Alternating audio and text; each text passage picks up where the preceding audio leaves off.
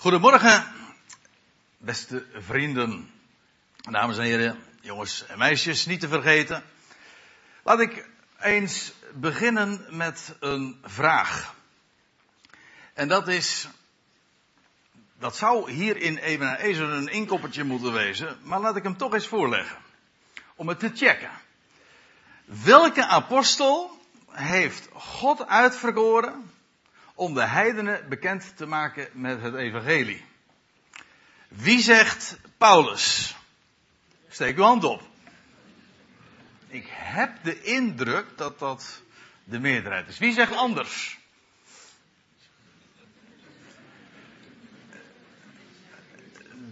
Dan moet ik zeggen dat het goed is dat u hier bent. Want ik ga u namelijk een heel verrassend vers laten zien. En dat behoeft dan toch enige toelichting, denk ik. En we gaan daarvoor naar Handelingen 15. Handelingen 15. Er was een vergadering belegd in Jeruzalem waar alle apostelen, inclusief de apostel Paulus, aanwezig was. En daar was nogal wat verschil van inzicht. Dat komt wel eens vaker voor. En op een gegeven ogenblik staat de apostel Petrus op. En die zegt dan het volgende. In vers 7 leest u dat. En toen daarover veel verschil van inzicht, of veel verschil van mening rees, dat ging over de kwestie of gelovigen uit de heidenen ook de wet van Mozes zouden moeten naleven met de Sabbat, et cetera. De besnijdenis, dat was de kwestie die aan de orde was. Toen daarover veel verschil van mening eh, rees, stond Petrus op en hij zei tot hen, mannenbroeders, gij weet dat God, gij weet, dat al die aanwezigen worden daar dus aangesproken en ze worden, het wordt als bekend verondersteld, gij weet dat God van de aanvang af, dus of, of aanvankelijk, mij Petrus, onder u heeft verkoren, opdat door mijn mond, Petrus, Petrus mond, de heidenen, de goyim, de natieën eigenlijk is het, voor het gemakvolle het, het gewone spraakgebruik, de heidenen, de natieën, eventueel de niet-joden, de, opdat door mijn mond de heidenen het woord van het evangelie zouden horen en geloven. En, Paul, en Petrus speelt hiermee eh, op een gebeurtenis die we ook eh, nogal uitgebreid beschreven vinden. Twee keer, twee keer zelfs in het boek Handelingen. Handelingen 10, Handelingen 11. Dat, dat Petrus naar de kustplaats Caesarea ging. Waar die Romeinse hoofdman was. Ja, een Romein. En nou, dat gaf nogal wat voeten in de aarde hoor, want Petrus deed dat niet zomaar. En toen het eenmaal gebeurd was, toen gaf het nog veel meer voeten in de aarde. Petrus die daar in het huis van Cornelius, want over hem heb ik het, het evangelie uitlegt en vertelt van Israëls Messias. En ik zei al, dat was een heel gevoelige kwestie, maar het was Petrus die voor het eerst naar de heidenen ging. Aan Petrus waren ook sleutels toevertrouwd. Dat is een bekend fenomeen. de meeste mensen die denken dat Petrus sleutels hanteert daar ergens in de hemel. En die dan mag de, de deur voor je mag openen of je wel of niet in mag gaan. Maar uh, nou, ik hoop dat ik, uh, dat dat niet al te verrassend is als ik zeg dat dat in ieder geval niet op de Bijbel gebaseerd is. Maar Petrus had wel sleutels die die hanteerde hier op aarde. Namelijk om ook groepen toe te laten. Om de deur te openen, want daarvoor dient een sleutel toch in de eerste plaats, nietwaar?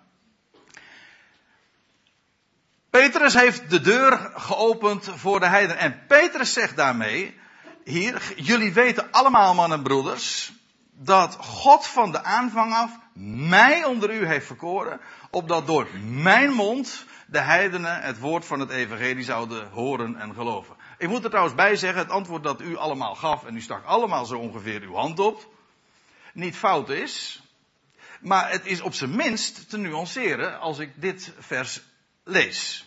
En dan moet ik er nog iets bij zeggen. Kijk, we hebben bij deze vastgesteld, Petrus was de eerste prediker aan heidenen. De prediker van het evangelie, in het boek Handelingen lees je dat. Voor de rest lezen we niets meer van zijn activiteiten daarin. En dan moet ik er nog iets bij zeggen. Namelijk, Paulus bezocht, ook dat vind je in het boek Handeling. Ik doe geen eens moeite om dat aan te tonen, want nou ja, het springt van elke bladzijde ongeveer als gegeven op je af. Dat Paulus, als hij ergens kwam in het buitenland, want daar lagen, daar lagen toch vooral zijn activiteiten. Ik bedoel, het buitenland in de heidenwereld. En hij heeft wat afgereisd om de mensen te vertellen van wie God is. Die ene God en die ene middelaar. Hoe dan ook, Paulus, als hij ergens kwam, wat deed hij? Naar zijn gewoonte, lees je nog in Handelingen 17. En je vindt, vindt het nogmaals op vele plaatsen. Hij ging altijd als eerste naar de synagoge. Naar de Joden dus. Nou, dat roept de vraag op, hoezo is Paulus dan de apostel der heidenen? De vraag lijkt mij vrij logisch als je dit soort gegevens dan overdenkt. En dan kun je misschien menen dat je daar toch eigenlijk al aardig wat inzicht in had. En, maar dit is toch een, een, een gegeven, of dit zijn van die feiten, die je dan toch op zijn minst moet doen nadenken daarover. Waarom is Paulus nou die apostel der heidenen?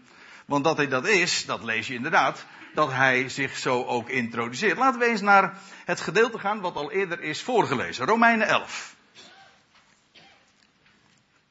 Romeinen 11 en ik lees dan, ik ga niet dat hele gedeelte nog behandelen, want ik wil nog, ik heb een hele route uitgestippeld van verschillende plaatsen die we gaan bezoeken en als, als een gids wil ik u zo attenderen op allerlei dingen die, eh, die dan toch wel heel bijzonder zijn. Ook allerlei perspectieven die je zo tijdens de korte speurtocht, dat is ongeveer een wandelroute van een pakweg een half uur.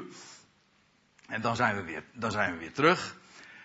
Maar tijdens die route zal ik, uh, zal ik u wijzen op allerlei uh, bijbelplaatsen. Maar om te beginnen dan Romein 11, dat is nogal logisch, want daar vinden we bij uitstek die uitdrukking de apostel der heidenen. Soortgelijke uitdrukkingen vinden we ook elders nog in zijn brieven.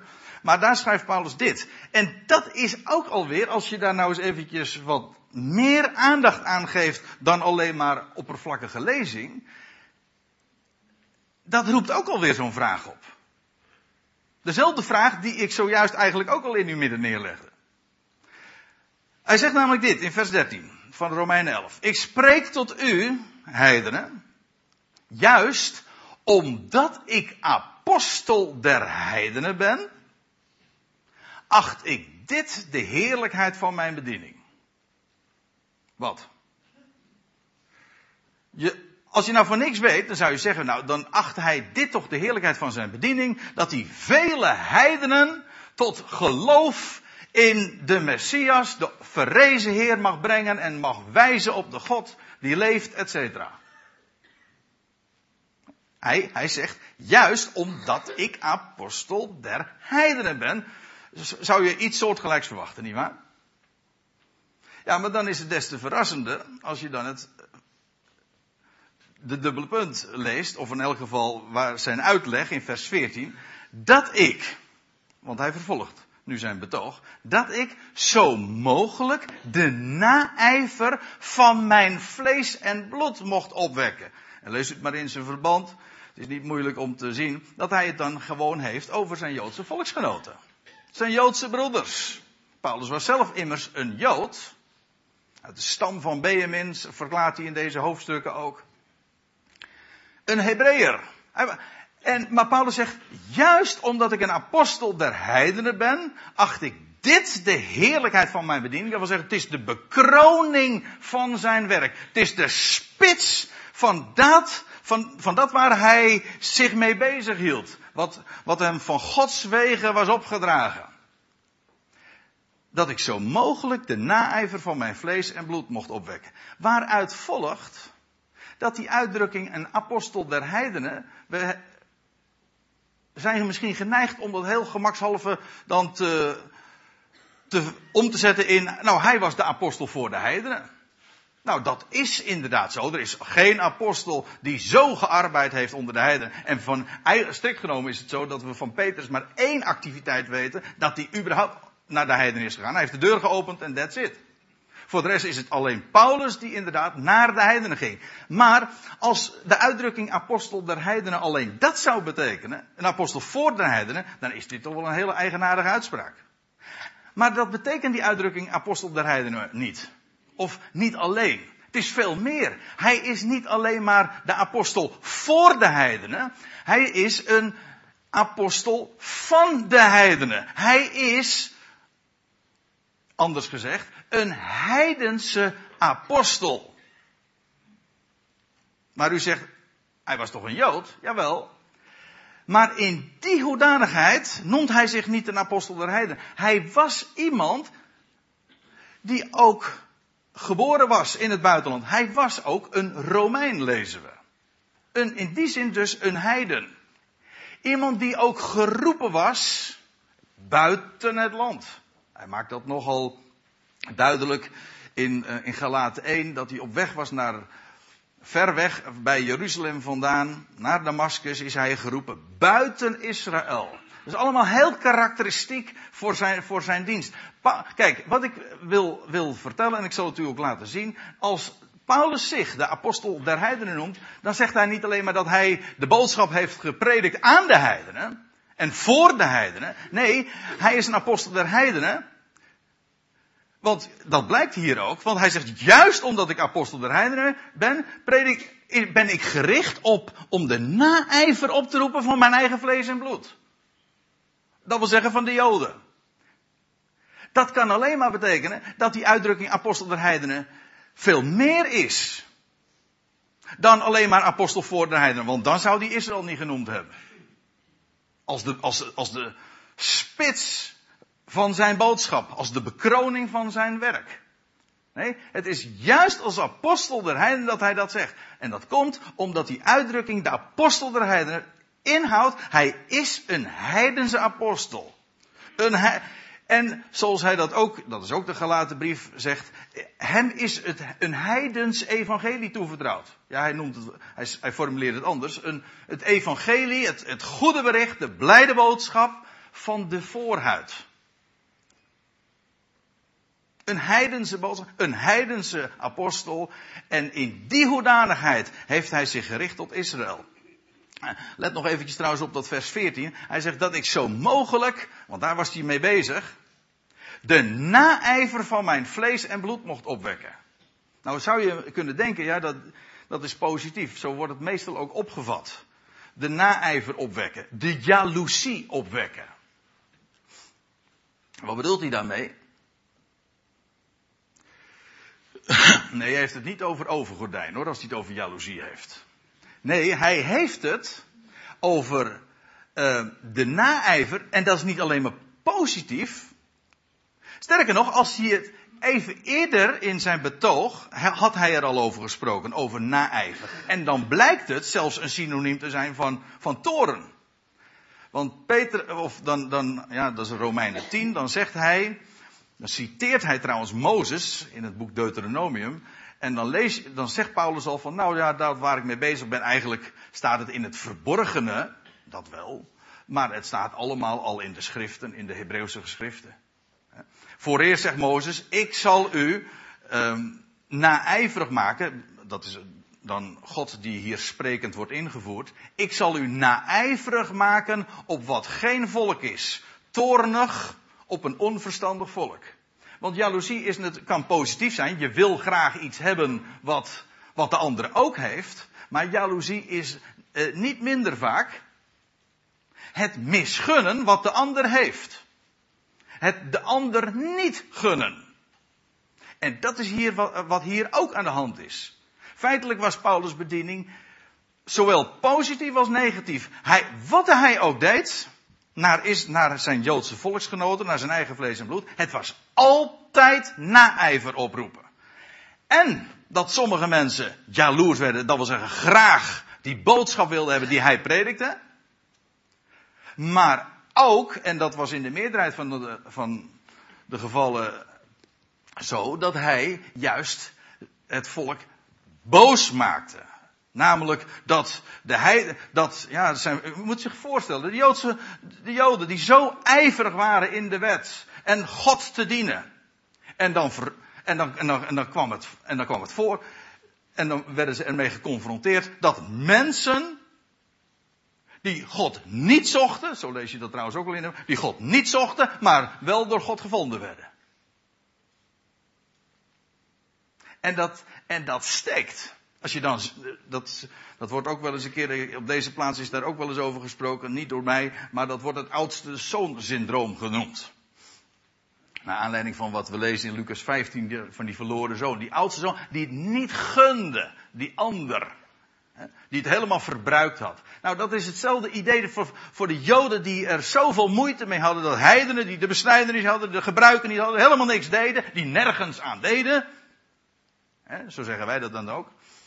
We, hebben ook, we, hebben ook, we zijn ook aardig overgoten hoor, bij dat sausje. Als u het mij vraagt. Die nergens aan deden. En dan zomaar de redding cadeau krijgen.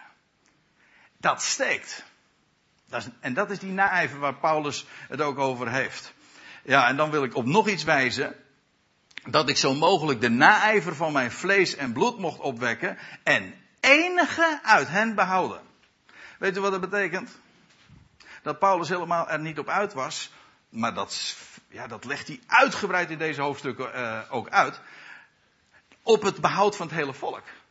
Dat kwam wel, dat zou wel komen hoor. God, hè, Romeinen 11. Gans Israël zal gered worden. Absoluut. Maar in de tegenwoordige tijd is Israël als natie verhard lezen we. Er ligt een bedekking over hun hart. En zien ze, ze zijn vijanden, zegt Paulus, van het evangelie. Beminden om der vaderen wil, jawel, maar ook vijanden van het evangelie. Als geheel, als natie. En daarom was Paulus niet uit op, op, op het, de redding van het volk. Zodat allen van Israël tot geloof zouden komen. Hij wist namelijk beter. Hij zegt, oh, maar om enigen uit hen te behouden. Nou ga ik verder. Ja, want we moeten onze voettocht eh, vervolgen naar de andere plaats. En dan gaan we eens naar de handelingen 3. Ik wil u een aantal schriftplaatsen zien in het boek Handelingen. Want, kijk, en dan zie je ook meteen een groot verschil met Petrus optreden. Paulus was erop uit, als apostel van de heidenen, als een heidense apostel, om Israël tot naijver op te wekken, jaloers te maken. Ja, het wordt heel vaak zo opgevat van dat we mensen jaloers moeten maken door onze nette levenswandel of, of door, eh, door handen en voeten te geven aan de boodschap. Maar u vindt dat niet in, u vindt dat niet bij Paulus hoor. Niet het jaloers maken door het woord van God. Door het evangelie dat een kracht Gods is. Dat, niet, dat, dat, dat gaat niet om handen en voeten. Dat gaat om het hart en mond. Dat is trouwens ook Romeinen 10 en 11. Uiteindelijk, ach, wij jaloers maken, daar heb ik niet zo'n hoge pet van op. Van zijn woord wel. Zijn woord, dat is een kracht Gods. Maar goed, handelingen 3. Uh, het, ging even, het ging er even om dat Paulus erop uit was. Paulus wist inmiddels dat Israël niet als natie tot geloof zou komen. Maar Petrus en de twaalf trouwens waren daar nog heel sterk op uit. Handelingen 3, daar lees je dat Petrus, naar aanleiding van een, een wonderlijke gebeurtenis, een man die rond de 40 jaar was en die daar bij de lamme, ja een lamme man, maar hij was bij de, bij de schone poort, allemaal veelzeggende symboliek, maar dat daar gaat het nu niet om. Naar aanleiding van dat wonder wat verricht wordt, of verricht was, lees je dat Petrus dan opstaat en het woord gaat voeren en uitleg gaat geven van wat er feitelijk gebeurd was en de sprake die daarvan uitgaat. En dan, dan lees je in vers 12 dat Petrus, en Petrus zag het, wat er allemaal gebeurde, die massa die zo was samengedromd daar in de tempel, die dat allemaal wilde zien, die man die, die altijd verlamd daar had gelegen en die nu spring, sprong, eh, eh, sprong en, en jubelde. Ja. En zonder revalidatie, dat vind ik ook altijd zo knap. Hè? Niet zo eerst eventjes met, met moeite proberen te gaan lopen. Nee, je leest van, hij werd, hij werd gepakt bij de hand en hij sprong op. Hoe kon die dat zeg? En, hij, en dan lees je van, en hij, hij sprong en hij jubelde zo en hij wandelde zo de tempel binnen. Ja, nou goed. Petrus uh, zag dan vervolgens de, die hele mensenmassa samen drommen en dan, en dan antwoordt hij, want nou ja, dat, daar, daar lag een vraag. Nou moest hij uitleg geven. Hij antwoordde het volk, mannen van Israël. Zodat de adressering van zijn boodschap duidelijk is. En dan, dan gaat hij uitleg geven.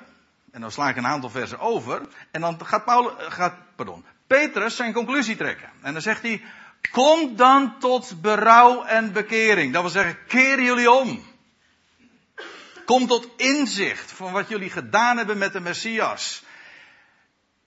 En hier wordt de natie aangesproken, daar die mannen van Israël, daar in Jeruzalem, het hart van Israël. En dan zegt, kom tot berouw en bekering. En wat zou er dan gebeuren? Nou, opdat, er, opdat uw zonden uitgedelgd worden, dat wil zeggen, jullie verleden wordt een einde aangemaakt.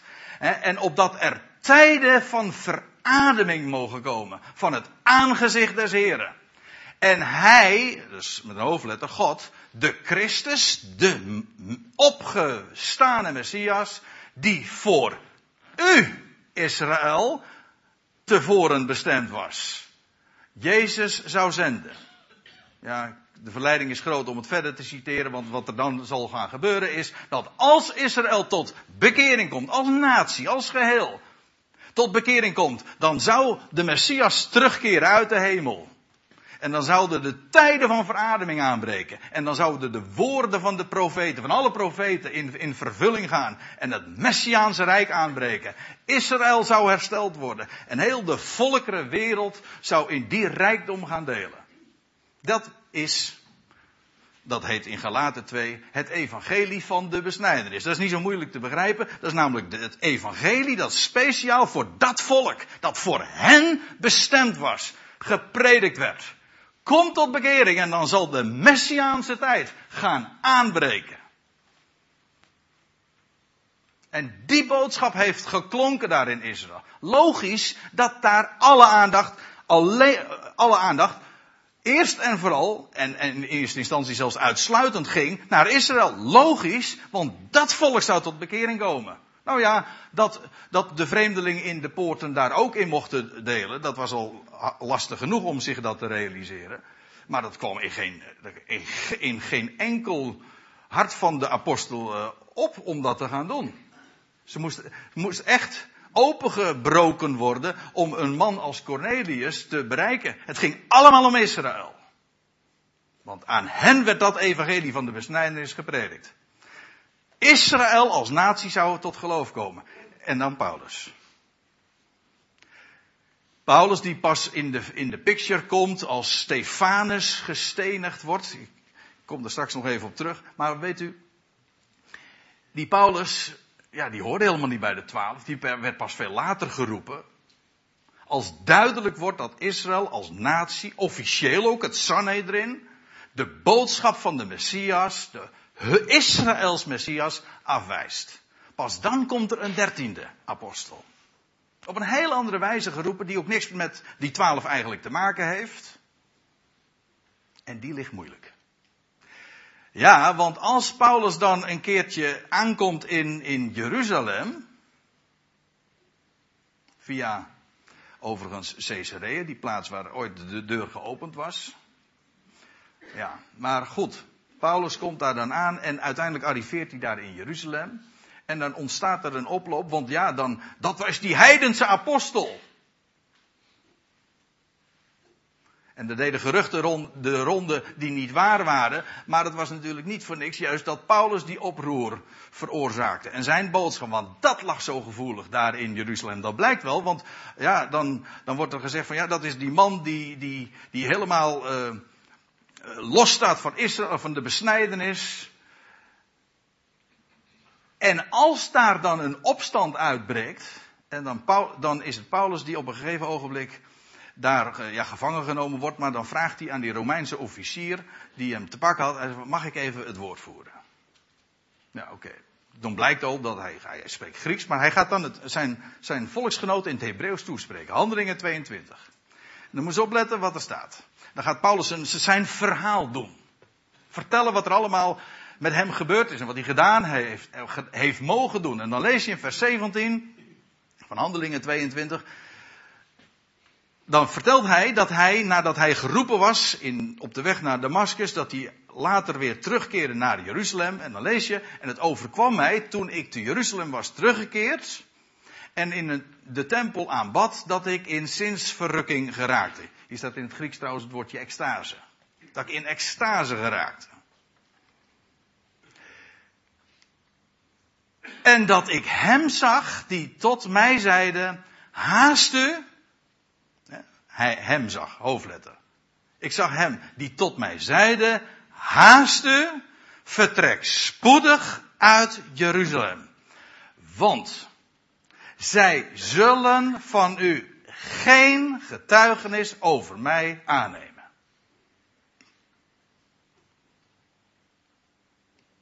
was niet de hele boodschap juist erop gericht dat Jeruzalem zou zeggen, gezegend hij die komt in de naam van de Heer. Ja, en, maar het is Paulus die te horen krijgt, zij zullen van u geen getuigenis over mij aannemen. Maak dat je wegkomt. Vertrek spoedig uit Jeruzalem. En dan is het de verbouwereerde Paulus die dan zegt, toen trouwens nog Saulus. En en ik zei de heren, zij, zij, weten zelf, al mijn Joodse volksgenoten, zij weten zelf dat ik, dat ik het was die hen die in u geloofde, liet gevangen zetten en in de synagoge gezelen. Er was geen grotere fanaat en godsdienst-extremist dan Saulus van Tarsus. En het is met schaamte dat hij dat later ook zegt. De grootste van de zondaren. Niet waard een apostel te heten. De geringste van de heiligen. Nou ja, hij zegt, ik was dat. Zo fel tegen die boodschap van die zogenaamde Messias van Jezus van Nazareth. En dan, zij weten het allemaal. En, en dan, dan gaat hij nog verder, hij zegt, en toen het bloed van uw getuige, Stefanus, vergoten werd, toen werkte ik daar met volle instemming mee. Op zijn wijze heeft hij toen ook nog zijn steentje bijgedragen. Hm?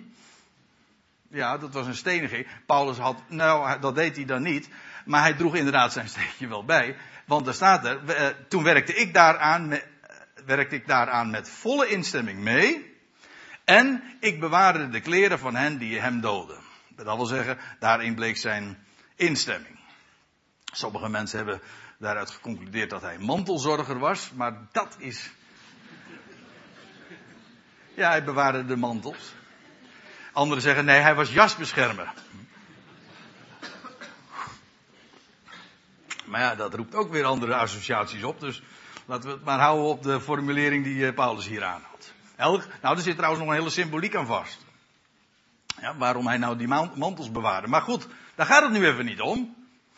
Paulus zegt zelf, hij zegt, dat was ik. Ja, oh, moet ik trouwens nog even bijzeggen. Ja, uh, waarom nou die kroon? Nou, het woord Stefanus, dat is ook al zoveel zeggen. Stefanus betekent kroon. Stefanus, dat was die, die, die, die Messiaanse Jood, die vertelde van, van de opgestane Messias. Zittende aan Gods rechterhand. Gekroond met eer en heerlijkheid. Ja, en vertelde over het koninkrijk. En Israël, het, het Sanhedrin, die hem aanhoorde, dat wil zeggen de officiële leidslieden, hebben hem toen verworpen, buiten de stad ge, gebracht en hem gestenigd. Dat is eigenlijk de officiële verwerping ook van het koninkrijk. Die daar. Nou, Paulus zegt, ik was daarbij. En dan is het de Heer die, die op Paulus verweer en en tegenwoord reageert. En dan zegt hij, en hij, de Heer, die aan hem verscheen, terwijl hij daar in zinsverrukking is. En hij, zei tot mij, ga heen, want ik zal u uitzenden. Uitzenden, ja. Er staat eigenlijk een, een woord waar het woordje apostel nog in zit. Afvaardigen. Een apostel maken. Afvaardigen naar de heidenen. Hij werd uitgezonden door hem, de hoogste, ja, de hoogste overheid. Ja, terwijl ik het zeg, denk ik aan een dit was een uitzending van de overheid, maar hm, dat was dit wel, ja. En hij heeft die uitzending niet gemist. Nee, want hij, hij is naar de heidenen gegaan. Hij zegt, want de, het was de Heer die tegen hem zei, ga heen, want ik zal u uitzenden, ver weg, naar de heidenen. En dan moet ze opletten, wat er gebeurt. Daar die mensenmassa, daar bij het tempelplein in Jeruzalem, zij hoorden hem aan tot dit woord toe. Maar toen verhieven zij hun stem en ze riepen weg van de aarde met zo iemand, want hij behoort niet te blijven leven. Weet u waarom? Omdat hij hier een apostel van de heiden is. Hij is hier degene die Israël, nou met recht, tot naijver roept en wekt, prikkelt. Provoceert. Zegt van, Jeruzalem, dan moet, dan moet je maken dat je wegkomt. Met Jeruzalem loopt het niet goed af. Het koninkrijk wordt niet geopenbaard daar. De koning zal niet terugkeren. Ze zullen de boodschap niet aannemen. En nu is het heil, de boodschap van het evangelie, van Israël verplaatst naar de heidenen. En, en daar werd Paulus nou gezonden. Het ging dus niet naar de heidenen zo omdat, omdat, nou ja, in de Joodse heerlijkheid ook uh, anderen mochten delen. Nee, het, was, het, was, het is omgekeerd. Het was nu zo dat juist omdat Israël de boodschap afwees, werd het verplaatst naar de heidenwereld. En Israël werd gepasseerd. En Paulus is de representant van die boodschap. Israël, het is over en uit, althans voorlopig. Ja, en wat, ja, en Paulus ging inderdaad altijd eerst naar de synagoge. Maar ja, wat, wat gebeurde er? Altijd stevast. Hij werd eruit geworpen. Wat vertelde hij dan? Wat was nou de specifieke ergernis van zijn prediking? Ook daar in Jeruzalem binnen de Messiaanse geloofsgemeenschap. Ik bedoel in de kring van Jacobus en Petrus en Johannes lag Paulus heel gevoelig. Is nooit veranderd trouwens. Heel gevoelig. Weet u waarom? Omdat Paulus dit vertelt. In handelingen 28, vers 28, makkelijk te onthouden zegt hij het heel kort en bondig. is hij trouwens bij de Joden, bij de Joodse leidslieden in Rome. Dan zegt hij, nadat hij hen verteld heeft van dat Israël niet genezen zal worden, niet hersteld zal worden. Het zij u dan bekend. Dat is de conclusie. Het zij u bekend dat dit heil van God aan de heidenen gezonden is. Nee, pardon. Dat is staat er niet werd. Dat, dat gebeurde niet daar pas. Maar gewoon dat vanaf, de, vanaf Paulus' roeping is dat al het geval. Het heil is gezonden dat was, en ook verplaatst van Israël naar de heidenwereld. Het koninkrijk wordt niet openbaar, maar het blijft verborgen. Niet in Israël, maar in. Paulus zegt in Colossense 1. De, het geheim van het evangelie, de verborgenheid van het evangelie. Christus onder jullie, heidenen. De hoop der heerlijkheid. Ja. Nou wil ik nog weer naar een schrift plaatsen. Ik weet dat ik op moet schieten, maar goed. Uh, je, van uh, handelingen gaan we naar Jezaja 28. Want daar, dat wil ik u niet onthouden. Want dat is namelijk zo'n schitterende illustratie van waar we het hier over hebben. Daar lees je al Jezaja, hè? Oude Testament, de Tenach. Daar lees je al dat van Gods voorzegd wordt, voorwaar door mensen die een onverstaanbare taal spreken en in een vreemde tongval, dat wil zeggen mensen die geen Hebreeuws spreken, zal tot dit volk spreken, hij die tot hen gezegd heeft. Dus God gaat, dat is ergernis. God gaat niet spreken via Israël tot de heidenen. Het woord des Heren zal van Jeruzalem uitgaan naar de heidenen. Nee, God gaat nu, dat wordt hiervoor gezegd, vanuit de heidenwereld, door lieden met een belachelijke lip, staat er in de Statenvertaling dan. Die je niet begrijpt. Dat is altijd heel belachelijk. Hè? Ik ben een NT2-docent tegenwoordig. Maar het is altijd heel leuk als je mensen van uh, als, als buitenlanders gaan, gaan praten. Hè? Dat, ze lachen om mij. Hè? Ik spreek tot met, met Polen en dan, dan allerlei woorden klinken belachelijk. Ja. Nou, dat is voor Israël ook het geval. Belachelijk. Dat, dat, dat nu er, dat er mensen zijn, heidenen, die tot hen notabene de boodschap gaan prediken. Is, toch om, dat is toch gewoon omkering van zaken? Nou, daarin ligt nu precies de ergernis. Ja, en weet u wat er dan, weet u wat er gezegd wordt? Weet u wat die boodschap is? Nou dit, wat ze nooit hebben kunnen begrijpen. Wat altijd zo gevoelig lag en nog steeds ligt. Dit. Wat zou hij tot dit volk spreken? Nou, hij die tot hen gezegd heeft, dit is de rust. Geef de vermoeide rust. Dit is de verademing. Maar zij wilden, letterlijk staat er trouwens, zij zullen niet horen. Want, en dan wordt het nader uitgelegd, zo zal voor hen, dat wil zeggen dit volk Israël, eh, eh, het woord des Heren zijn. Wet op wet, wet op wet, ijs op ijs, ijs op ijs, hier wat, daar wat. Weet je wat het betekent? Voor hen het, wat was voor hen het woord van de Heren? Van dit moet je doen, dat moet je, moet je doen, dat mag beslist niet. Wet op wet, ijs op ijs, eh, eh, en dit moet je, en dit moet je vooral laten. Allemaal geboden van mensen, allemaal dingen die aan de mensen werden opgelegd. En weet je wat de Heer tegen ze zegt? Jullie hebben nooit begrepen wat het woord van de Heer werkelijk is. Dat is dit. Rust. Ik doe het werk. Ik geef je wat nodig is. Ik werk alles. Er is helemaal geen Je hoeft helemaal niks te doen. Nee, ik werk alles in jou uit. Dat is verademing. Dat is een machtige boodschap. En Paulus zegt van ja, en Israël is daar feitelijk op stuk geslagen.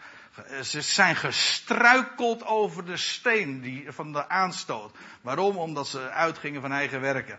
Ja, opdat zij, zo, eindigde dan nog, opdat zij bij hun gaan, gaat het hier over wat er de natie zou overkomen, opdat zij bij hun gaan achterwaarts struikelen en te pletter vallen, verstrikt en gevangen genomen worden. Weet u, wat weet u waar dit op slaat? Wat er gebeurd is ook met Israël in de eerste eeuw. Dat ze inderdaad in diezelfde generatie nog zijn, uh, dat de hele de natie Israël van de kaart geveegd werd. Jeruzalem werd verbrand, de tempel verwoest en, het, en dat wat er nog overgebleven was, is verstrooid onder de natie. Niets is er van overgebleven. Ja. Maar zegt Paulus dan, en dat is echt het laatste, daar moet ik ook mee afsluiten, maar Romeinen 11. Ik, ik, ik haak dan toch nog weer aan op wat ik al eerder gezegd heeft, heb daarover. Want Paulus zegt dan van, ja, ik ben een apostel der heidenen. Oh, ik, ik, ik, ben, ik ben, het is mijn roeping om, om als heidense apostel, als Romein, met een heidense boodschap, in hun ogen belachelijk, het evangelie te prediken. Ja. Maar hij zegt er meteen bij. Hun, hun verwerping nu, dat is de verzoening van de wereld. Israël heeft de boodschap afgewezen. Maar uiteindelijk werd het de aanleiding voor, de, voor, de, voor een boodschap van overtreffende genade die aan de heidenwereld bekendgemaakt wordt. Puur om niet. Allemaal genade. De verzoening van de wereld. Ja, ik weet, het is vloek in de kerk hoor. Als ik dat zeg. Maar dat is nu juist de boodschap. Dan zie je trouwens dat de kerk of wat daarvoor doorgaat uiteindelijk op hetzelfde spoor zit. Ook weer kiezen, mensen, werk en zelf doen. Ach, houd toch op, schei uit. Het gaat om het woord van de Heere die zegt, ik werk alles uit. Dat is rust, dat is verademing. Hun verwerping, dat is tegenwoordig, dat betekent in de praktijk dat de boodschap van de verzoening der wereld gepredikt mag worden. En weet u wat het geweldig is? Het gaat, duurt niet lang meer hoor. Maar de boot, maar het gaat veranderen. Straks zal Israël alsnog tot inzicht komen. Dan zal de bedekking worden weggenomen van hun hart. Als de tijd daar is. En dan, zal, dan zullen ze opnieuw worden aangenomen. Ja, zij zullen ook de Messias aannemen. Hun, wat zal hun aanneming anders wezen? Dan leven uit de doden. Opstanding uit de doden. De derde dag ook, ja, ja. Dan zal de natie tot leven komen. Dat is Pasen voor de wereld dat dan zal aanbreken. En uiteindelijk, mensen, dat is ook precies de boodschap die ons op de been houdt. Waar het om gaat. Om Hem die de, die de steen deed wegrollen. Die verrezen is uit het graf. Die triomfeert over de dood. Die alles voor zijn rekening neemt. En de verzoening van de wereld garandeert. Omdat Hij leeft. Ik stel voor dat we daarover gaan zingen.